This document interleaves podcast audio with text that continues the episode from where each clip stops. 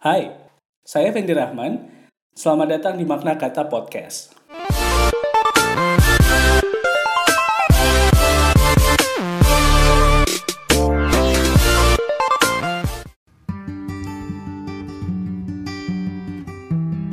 Halo, ini adalah podcast pertama di Makna Kata.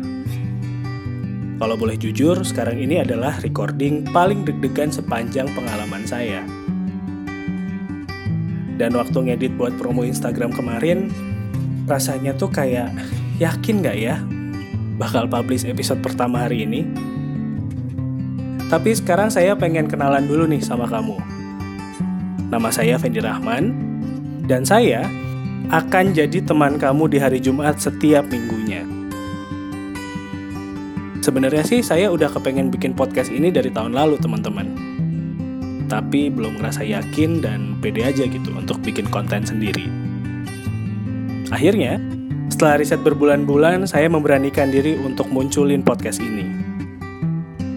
Kalau ditanya kenapa namanya makna kata, sebenarnya ini adalah pengalaman saya ketika dengerin podcast. Kamu pernah ngalamin gak sih? Waktu lagi kena macet, bosan nonton TV, atau mungkin lagi nunggu ngantuk, akan jauh lebih nyaman kalau kamu juga dengerin sesuatu. Sesuatunya apa? Ya podcast ini. Kenapa sangat menarik dengerin podcast? Karena rasanya itu akan beda gitu dibanding kamu buka sosial media atau ngerjain yang lain. Kalau kamu pengen balas chat atau mungkin buka Instagram sebentar, kamu bisa loh minimize aplikasinya sambil tetap dengerin tanpa mengganggu aktivitas chat atau kepoin orang di Instagram. Kamu juga bisa relax banget dengerin tiap kata-kata podcaster yang kamu denger tanpa sadar kamu lagi kena macet atau suasana hati kamu lagi nggak enak.